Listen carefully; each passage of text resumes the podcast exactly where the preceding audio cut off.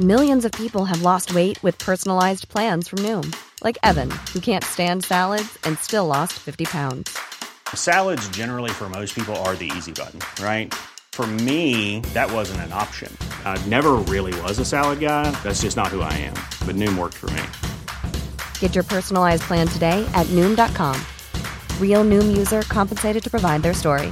In four weeks, the typical Noom user can expect to lose one to two pounds per week. Individual results may vary.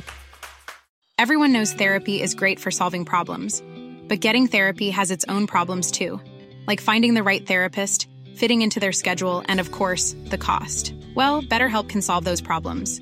It's totally online and built around your schedule. It's surprisingly affordable too. Connect with a credentialed therapist by phone, video, or online chat, all from the comfort of your home. Visit betterhelp.com to learn more and save 10% on your first month. That's BetterHelp H E L P. Välkommen till Lille Lördag Prime. Idag kommer vi prata om något så spännande som psykreformationen. Och vad är det egentligen för brott som har begåtts här? Jo, men det är faktiskt ett enormt brott under flera århundraden mot mänskligheten. Och det här är inte bara i Sverige utan över hela världen. Varmt välkomna. Police now say they have a suspect in the case. Let's go to Ja, hon var ute på en motionsslinga och eh, kom inte tillbaka eh, på avtalad tid. One concern the police obviously has is that six months on, the flow of som misstänks för mord på en kvinna i Frankfurt 1992. Eh, blivit knivhuggen uppe på NK på Filippa K. Vi behöver ambulans hit med en gång. Psykiatrivården har ju alltid varit omdiskuterad, omdebatterad. Ja, eller, men vad ska man säga så här. Fast förr i tiden var det inte direkt tal om vård utan det var liksom förvaring av människor. Om det var någon som gick utanför ramen eh, så fick den antingen vara en utböling i samhället, en hittejoel eller på att säga. Eller också så togs de i förvar. Och det här att de att de skulle få besök av sin familj eller någon vidare kärlek eller något sånt. Det handlade det inte om. Utan de skulle plockas undan från sina familjer. Så att liksom, den här skamfläcken, man skulle låtsas som att den aldrig hade funnits. Ja, men det är det som är så intressant med dagens samhälle där man pratar om psykisk ohälsa hela tiden i stort och smått. Det var ju inte ens förekommande förr i tiden. Det var den absolut största skammen för alla familjer. Och du pratade väl i någon annan podd tror jag om eh, hysterikor och sådana som liksom fick gå på så här olika institutioner för att bli av med orgasmer och allt vad det var. Nej, de, de, det som man kom på att eh, om de då fick en orgasm så lugnade de ner sig. Ja. Att eh, nerverna då, att eh, dessa hysterikor, att det blev en metod som en svensk läkare då uppfann. Att man kunde liksom göra en massage, eh, livmodermassage eller använda då vibratorer. Men det där är såklart starkt överdrivet. Men, men det vet man ju själv efter man har fått en orgasm eller fått ligga lite. Man mår jävligt mycket bättre i några dagar. Gud, ja. eh, så att jag tänker också att det handlar väldigt mycket om att vi som kvinnor under många, många, många hundra år har varit så otroligt understimulerade.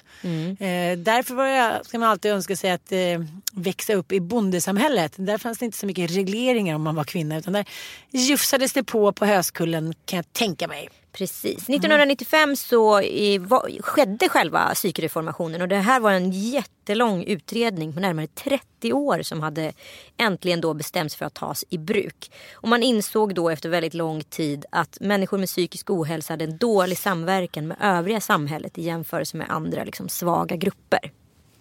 Men det som jag också tycker är viktigt att prata om det är att det så himla länge ansågs att så här sjukdom eh, eller depression eller liksom så kallad galenskap då, eh, idag då bokstavskombinationer om man säger så, eller diagnoser ansågs vara ett straff från Gud. Och så länge någonting har ansetts vara ett straff från Gud och det här är ju fortfarande i många andra religioner och även sekter som vi tycker är så himla roligt att prata om. Då kan man ju inte diskutera det för då är det någon annan som har bestämt att det är ett straff och som straff då som också kan... Och är det då Gud som har straffat en familj då får ju den skam, den blir ansedd, sen hamnar utanför samhället. Så det, det gäller ju att gömma undan de här barnen. Många mördades ju också, bara ställdes ut i skogen eller eh, lämnades också till änglamakerskor för att då inte dra någon skam eller vanära till sin familj. Finska Yle skriver att psykiatrin är den nya vetenskapen i Finland där män och kvinnor kallades för vansinniga. De spärrades in på slutna institutioner för att familjerna inte kunde ta hand om dem. Om man inte själv kunde försörja sig då behövde man spärras in i princip. Eh, och det var ju ofta de fattiga förr i tiden i samhället som drev de här institutionerna. Alltså liksom på 16-1700-talet då var det liksom bara knasbollar som tog hand om knasbollar. Eller riktigt fattiga kvinnor och då var det riktigt sviniga förhållanden. Det var ju först på 1800-talet som läkarna klev in men man ska inte säga att det blev bättre då för att då var det ju liksom mer utav karaktären människoförsök. Man testade olika experiment i allt från hjärnan till liksom fysiskt snarare än att bota de här och det kommer vi snart komma in på närmre.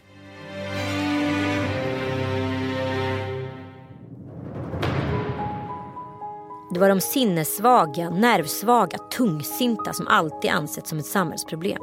Förr i tiden ställdes många diagnoser och man hade någon form av avvikelse klassificerades man väldigt lätt som psykiskt sjuk och skulle då förvaras. Det räckte i princip att ha en livskris eller att vara döv. Då kunde du hamna på en institution tillsammans med mycket svårt psykiskt sjuka människor. För familjer var psykisk ohälsa den största skammen och hospitalens uppgift var snarare förvaring än vård. På de större hospitalen kunde det vara upp mot 800 till 1000 patienter på relativt begränsad yta.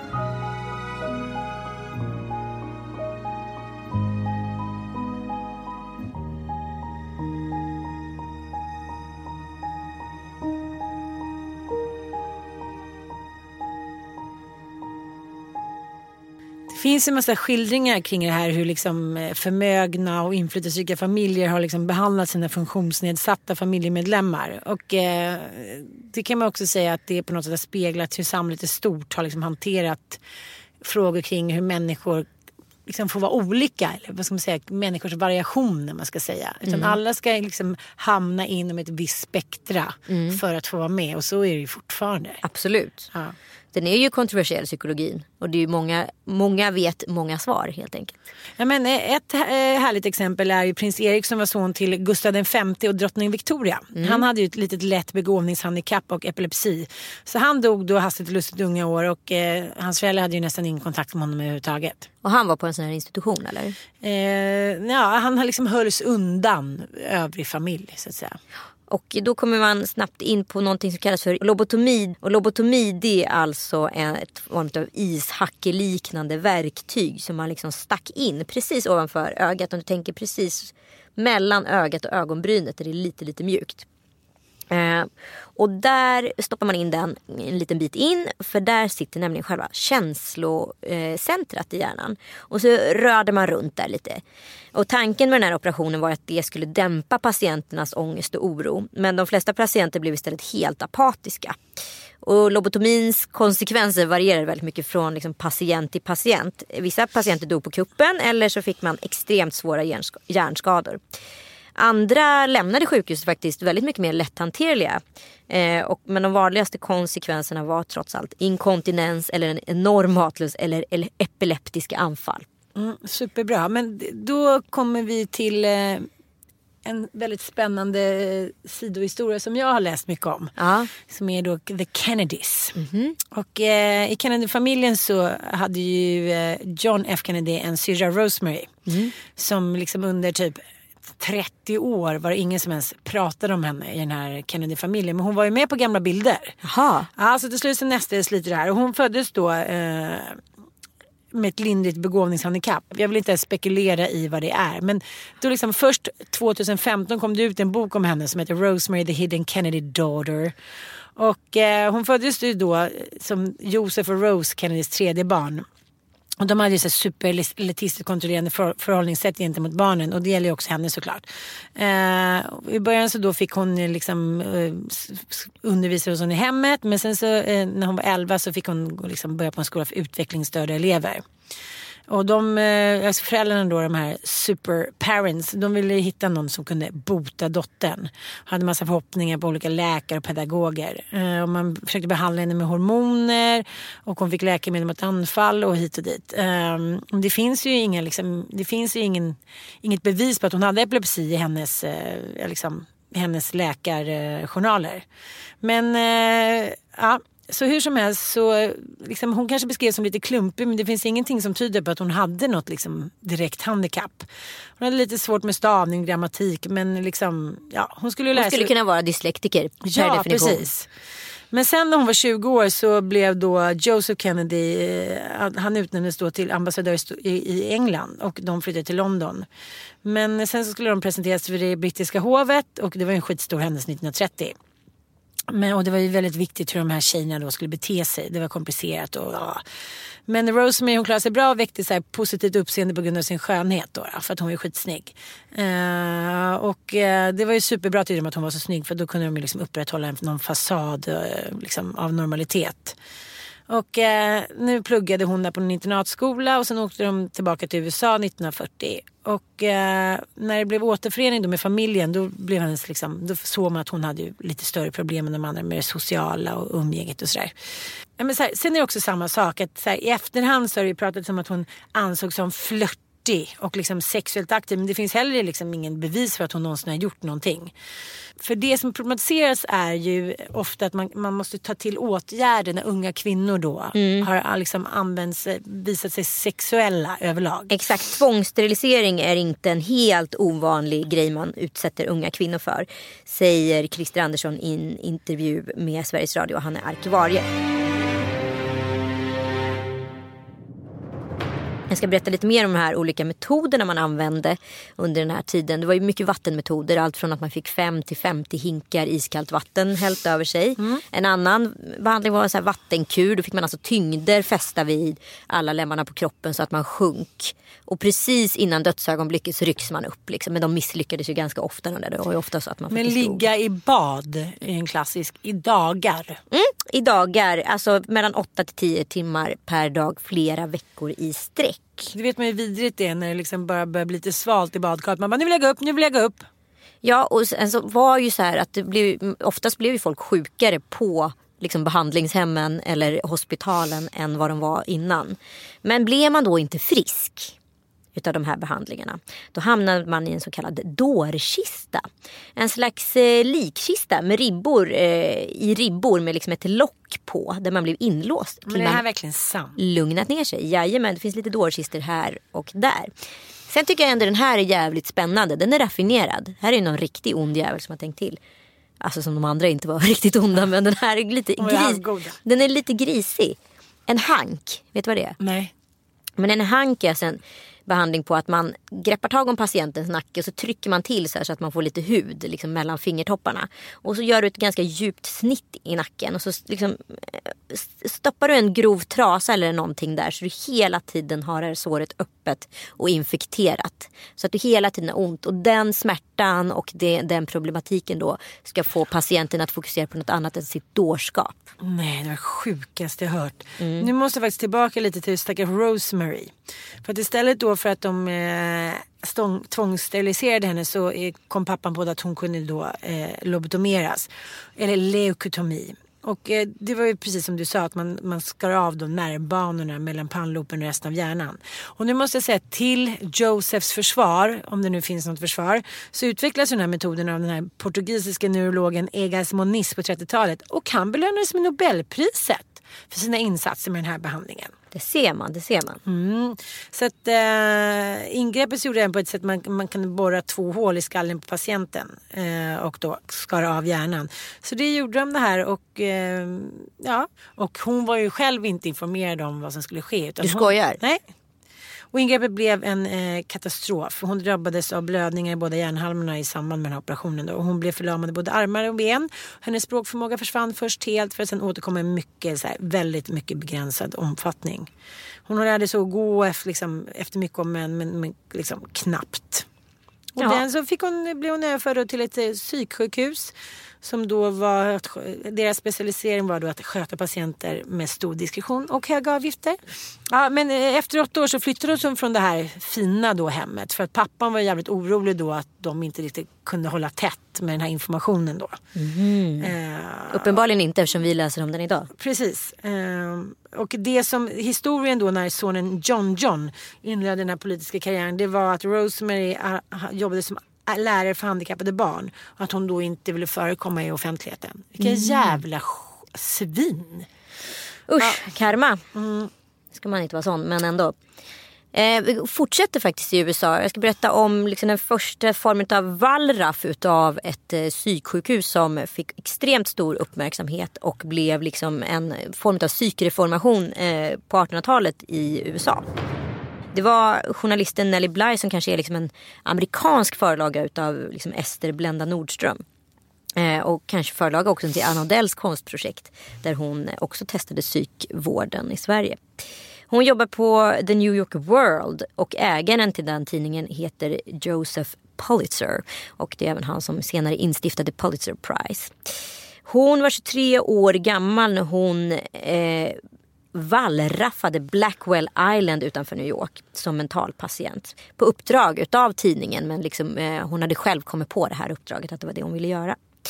Eh, och den upplevelsen eh, resulterade sen i bestsellern 10 days at the Madhouse. Eh, hon börjar med att ta in på liksom ett kvinnohus i eh, en förort till New York. Hon skådespelar sig genom att vara riktigt obehaglig och i obalans. Det är så modigt tycker jag. Ah, och liksom gå hela vägen och göra det. Liksom. Hon är så tillräckligt obehaglig så att de andra som bor på det här kvinnohemmet de känner att så här, de fruktar för sitt eget liv. Så föreståndarinnan kontaktar till sist polisen. Och som då tar henne till första bästa domstol.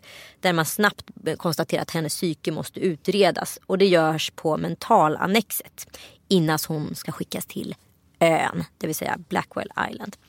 Det som blir så tydligt när man läser hennes historia också, hur lättsamt då en läkare kan konstatera att någon är galen och sinnessjuk. Mm. Efter bara egentligen ställa en fråga. Så här, mm. ja, eh, liksom, kan ni arbeta? Ja, hör du röster i ditt huvud? Ja. Okej, okay, skicka iväg henne. Så eh, den 25 september så kom en ny läkare och skulle då prata med Nelly Brown. Och det är just då som han undrar om den här unga tjejen hör röster om natten. Och när hon säger ja så då är liksom allt klart. Hon är galen och lösningen är att skicka henne till det här mentalsjukhuset. Och eh, hon skriver då de här artiklarna som heter Bakom anstaltens galler. Och där beskriver hon då de här terrorn med kalla bad och liksom hemska, osympatiska, ondskefulla sjuksköterskor som plågar och missbrukar patienter. Och eh, så här skriver hon. Mentalsjukhuset på Blackwest Island är en mänsklig råttfälla. Det är lätt att komma in men om du väl kommit dit är det omöjligt att komma ut. Och här skriver hon också om hur, hur slarvigt läkarna jobbar när de ska avgöra en förvirrad kvinnas öde. Och eh, hur jävla vidrigt de blir behandlade när de då hamnar bakom lås och bom. Ja, och patienter liksom både torteras och avlider framför hennes eh, ögon. Och liksom, det är verkligen skötarna som maktmissbrukar något fruktansvärt. Mm. Eh, man lever i sin egen avföring, man misshandlas brutalt och du ska ändå sitta på en hård eh, liksom, bänk när du fått liksom, ja, saker instoppat på obekväma ställen kan man väl säga. Men eh, på 80-talet kom ju också filmen som blev väldigt uppmärksamma, Gökboet mm. med Jack Nicholson. Eh, där han... Eh, också tvångslobotomeras. Precis. Efter att han varit ganska olydig kan man väl minst sagt säga. Mm. Men Nelly Blys undercover-jobb löste såklart inte alla problem men fick stor betydelse för de psykiskt sjuka i New York. Och redan i slutet av 1887 beviljade politikerna i staden en miljon dollar extra till storstadens institutioner. Och statsledningen tog eh, nya regler för behandling av just mentalsjuka. Så det var ju fantastiskt. Trots allt. Ja, ja hur man, en människa kan förändra så mycket. Mm. Det gjorde ju också Anna Odell. Hon satte också liksom psykvården och psykiskt sjuka på tapeten. Så här, vem bestämmer om man är psykiskt sjuk? Och folk mår ju allt sämre i Sverige. Gud ja, ja det vet vi ju. Det är också så olika hur man ser på just eh, med psykisk ohälsa i, i olika länder. Melankoli mm. pratar man om i, i många länder där det inte liksom man har tänkt att man ska spärra in människor på det här sättet på institutioner. Eh, och jag menar, det är säkert att många av de här kvinnorna och männen bara liksom har varit allmänt deprimerade som man själv kan vara och sen kanske blivit inspärrade på livstid. Liksom. Mm. Men sen 1967 har patienter inom mentalvården minskat drastiskt. Men det är ju inte så att svenskarna blivit friskare påstås det. Utan mm. det, är, det är ungefär same same. Lika många sjuka idag som för tio år sedan säger Marcus Heilich som är överläkare eh, på ett mentalsjukhus till Aftonbladet 1999. Det vill säga strax efter psykreformationen. I 30 år höll man alltså på att montera ner den här psykvården men många får ju illa eh, i det öppna samhället och alla var inte välvilligt inställda. Och det kan man ju också förstå för liksom helt plötsligt så bor du i ett litet härligt villakvarter där så ska ett av husen på gatan bli någon form av knasbollehem som man då tyckte. Att, ja, vill man inte ha tokstollar i i villakvarteret. För man visste ju inte vad de hade begått för brott. Och det, jag kan ju både förstå det och inte förstå det. Liksom. Det är ju jobbigt. Vi ska lyssna på Folke Ryström som har varit en av de här läkarna som har varit med och eh, jobbat under psykreformationen. Om hur han liksom nästan fick vallraffa sig in på vårdhemmet Tamsvik som idag är en kursgård.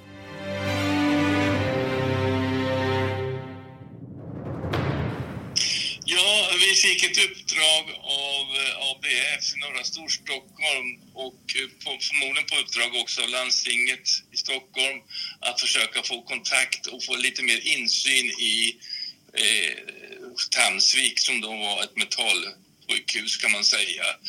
Där det förvarades massor av människor som var eh, sjuk, psykiskt sjuka och som har förmodligen varit det i ganska många år, sedan 50-talet misstänker jag.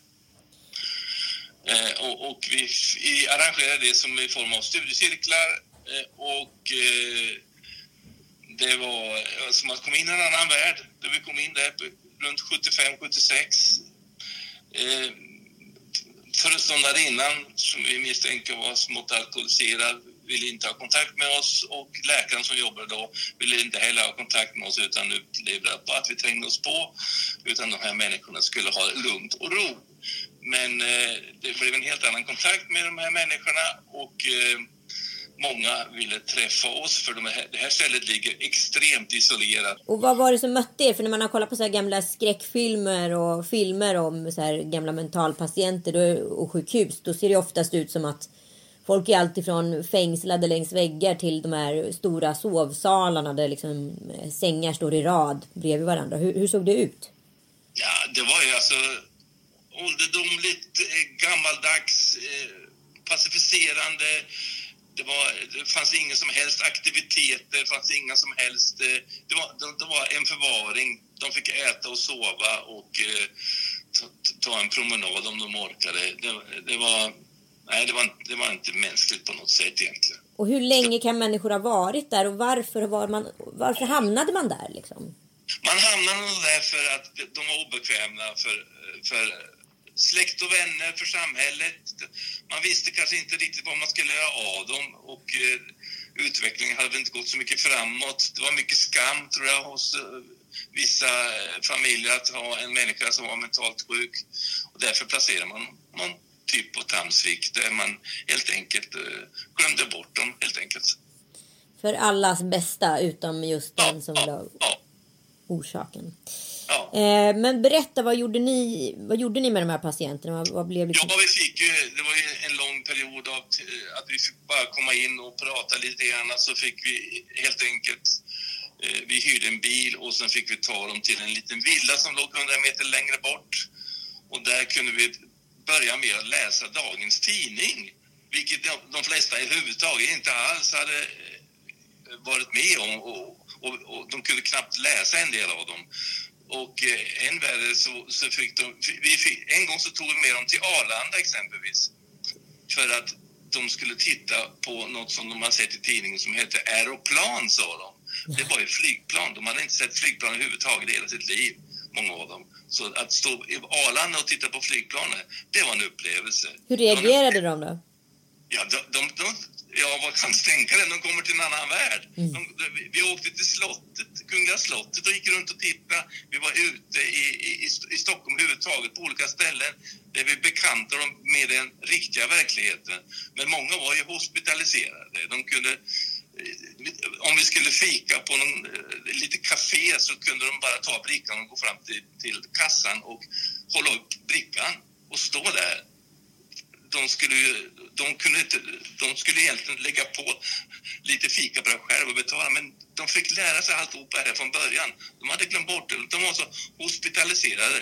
Så det, det, man kan inte tänka sig det. Otroligt. Du berättade för mig en historia om en specifik eh, tjej där som eh, uppmärksammade dig lite extra. Ja, det var en, en kvinna som var lite yngre än de andra och vi tyckte att vi undrade just varför hon var där och hon, hon, hade, hon var ganska smart märkte vi när vi tog, tog bort henne från sjukhemmet och satt i bilarna och pratade med henne. Och, eh, så, så till slut så fick vi med den nya läkarens hjälp en, en undersökning och då visade det sig att hon hade blivit eh, eh dövförklarad rätt så tidigt i sitt liv. Med, och orsaken till det, det var att någon hade när hon var liten eh, pillat in apelsinkärnen i öronen på henne och sen hade det vuxit igen och därför har hon blivit dumförklarad och dövförklarad och placerad på Tramsvik. Sen, nu gjorde de så att de opererade bort de här kärnorna och hon fick ett helt nytt liv helt enkelt. Helt otroligt. Så det räckte alltså egentligen att vara döv för att kunna hamna på sinnessjukhus förr i tiden? Ja, det var lätt att komma in dit. Svårare att komma ut uppenbarligen. Ja, mycket svårt. Mm. Omöjligt. Vad hände efter Tramsvik då med de här patienterna? Ja, det skulle läggas ner plötsligt det här sjukhemmet och det kanske var, det var en anledning till varför de ville att vi ska ta kontakt med dem. Och eh, faktiskt är att hälften av alla som bodde på Tramsvik fick möjligheten att bo i egna lägenheter i Upplandsbro där vi hade lyckats få tag på eh, två uppgångar i ett hyreshus. Och där, där fick de eh, med stöd av kommunen leva ett helt normalt liv. Medan de resterande fick eh, plats på eh, Rotebro sjukhem där de var, ja, det var de som hade blivit, eh, fått ECT 50 gånger. De hade inte mycket hjärna kvar, ärligt talat.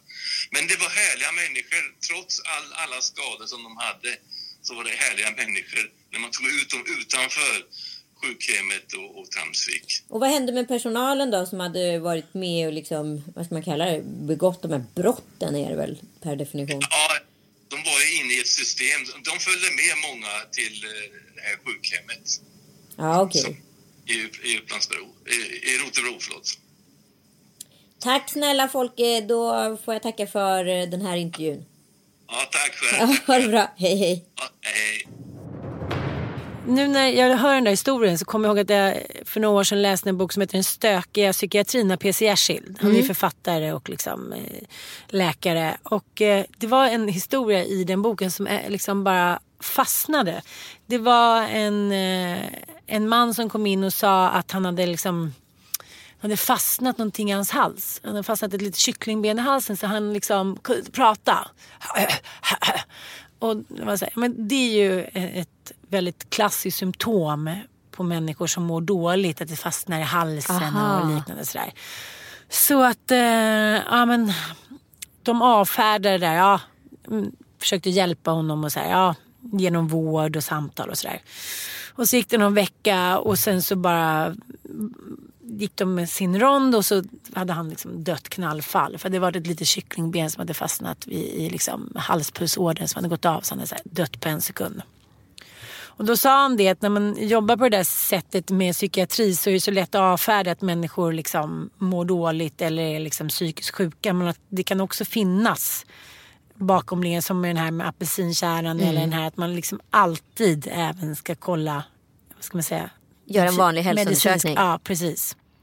Ja, och mellan 1993 och 1997 enligt de senaste statistiska uppgifterna från den tiden har andelen svårt psykiskt sjuka bland Stockholms hemlösa ökat från 17 procent till 42 procent.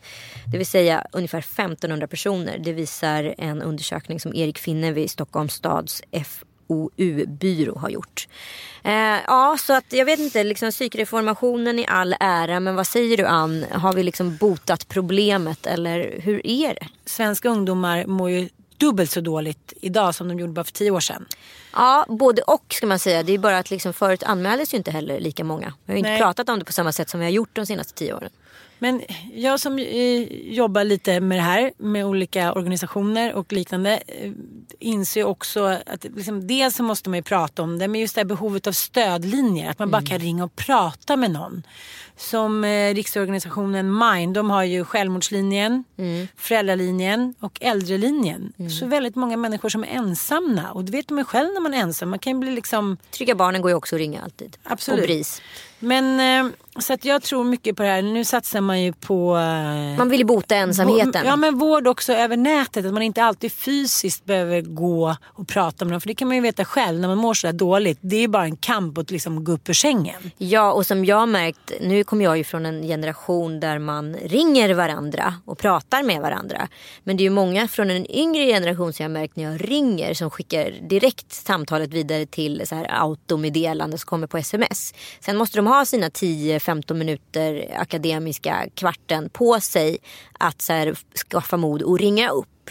För för dem är det mycket enklare att ta det via text. För det är så man är van att kommunicera. Så jag tror också att just en tech-tillämpning kan vara bra. För ibland är det väldigt privat och personligt med ett samtal om man nu inte är van med just att ha den formen av kommunikation. Så man får ju nog liksom anpassa sig efter sin generation så att säga. Men ofta när jag ska säga så här, men gud du är galen och så här, då tänker jag så här, så kan man inte riktigt säga längre. Det har fått liksom en annan klang vilket jag tycker är bra. Och så liksom, vad kan man säga, vad är galenskap? Eller liksom, tänker också hur den kvinnliga galenskapen har sett ut. Kvinnor har ju alltid fått liksom epitetet då om de till exempel har varit arga eller liksom stått upp för sig själva och säga att de är galna. Liksom. Det ju, med diagnoser som så här, hysteri, schizofreni och paranoia. Eh, det skrevs ju väldigt intressant också i Karin Johannissons bok Den sårade divan. Hur liksom de här diagnoserna har använts av patienterna själva. Hon skriver om Agnes von Krusenstjerna, Sigrid Hjertén och Nelly Sachs. Och eh, det är ganska intressant för att hon skriver om att en av de här kvinnorna använder också eh, sin psykiska ohälsa lite till att liksom, ta makten över sitt liv. Att ibland man inte orkar då med omgivningens alla krav så hon kanske, eh, så kanske man har använt den att få liksom vara fri ett tag på institutioner. Och enligt färska rapporter från Skandia så är det ju så att så här, just arbetsfallsrelaterade eh, långtidssjukskrivningar så har ju faktiskt psykisk ohälsa eh, ökat med 46 procent. Eh, och så att det är ju, det, och det handlar väldigt mycket om det sociala. Att man inte klarar av det sociala.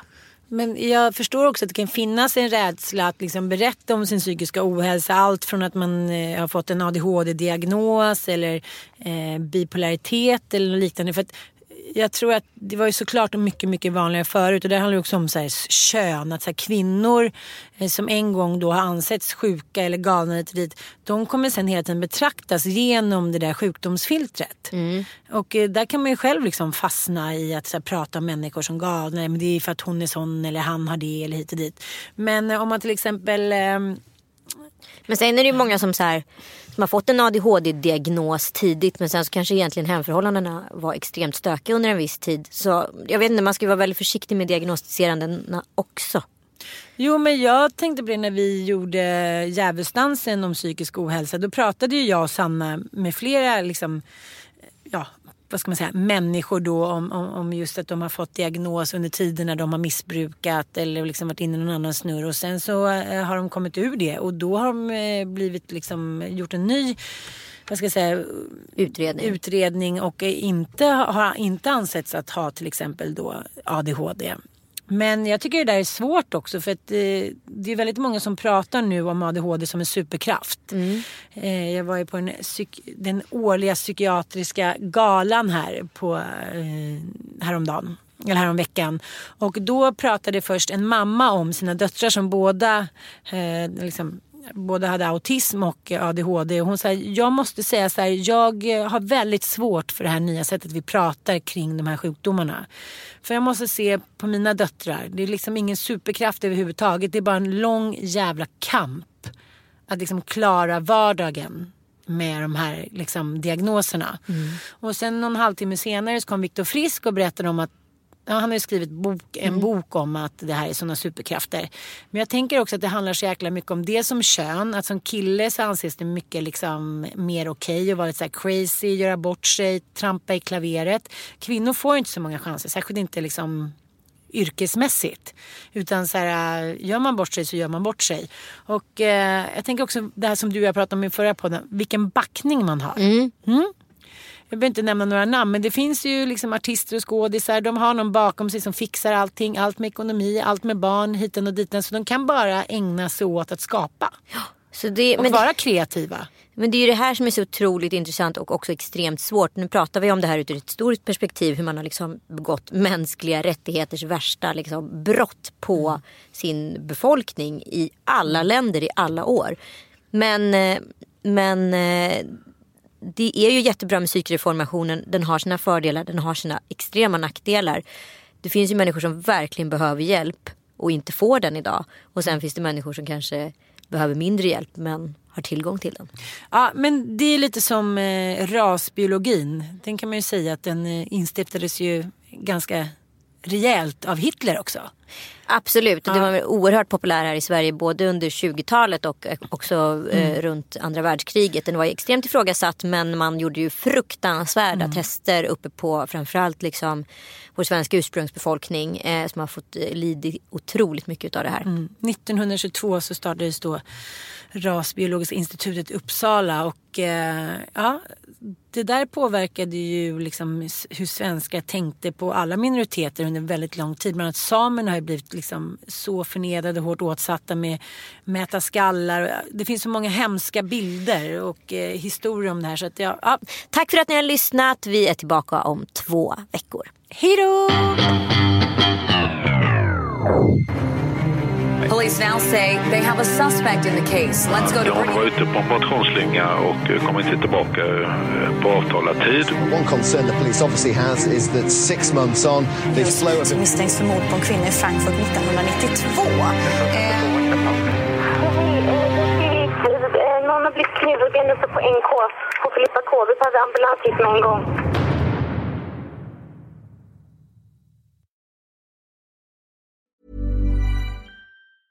Hey, it's Danny Pellegrino from Everything Iconic. Ready to upgrade your style game without blowing your budget? Check out Quince. They've got all the good stuff shirts and polos, activewear, and fine leather goods, all at 50 to 80% less than other high end brands. And the best part? They're all about safe, ethical, and responsible manufacturing. Get that luxury vibe without the luxury price tag. Hit up quince.com slash upgrade for free shipping and 365 day returns on your next order. That's quince.com slash upgrade. Hi, I'm Daniel, founder of Pretty Litter. Cats and cat owners deserve better than any old fashioned litter. That's why I teamed up with scientists and veterinarians to create Pretty Litter. Its innovative crystal formula has superior odor control and weighs up to 80% less than clay litter. Pretty Litter even monitors health by changing colors to help detect early signs of potential illness. It's the world's smartest kitty litter. Go to prettylitter.com and use code ACAST for 20% off your first order and a free cat toy. Terms and conditions apply. See site for details.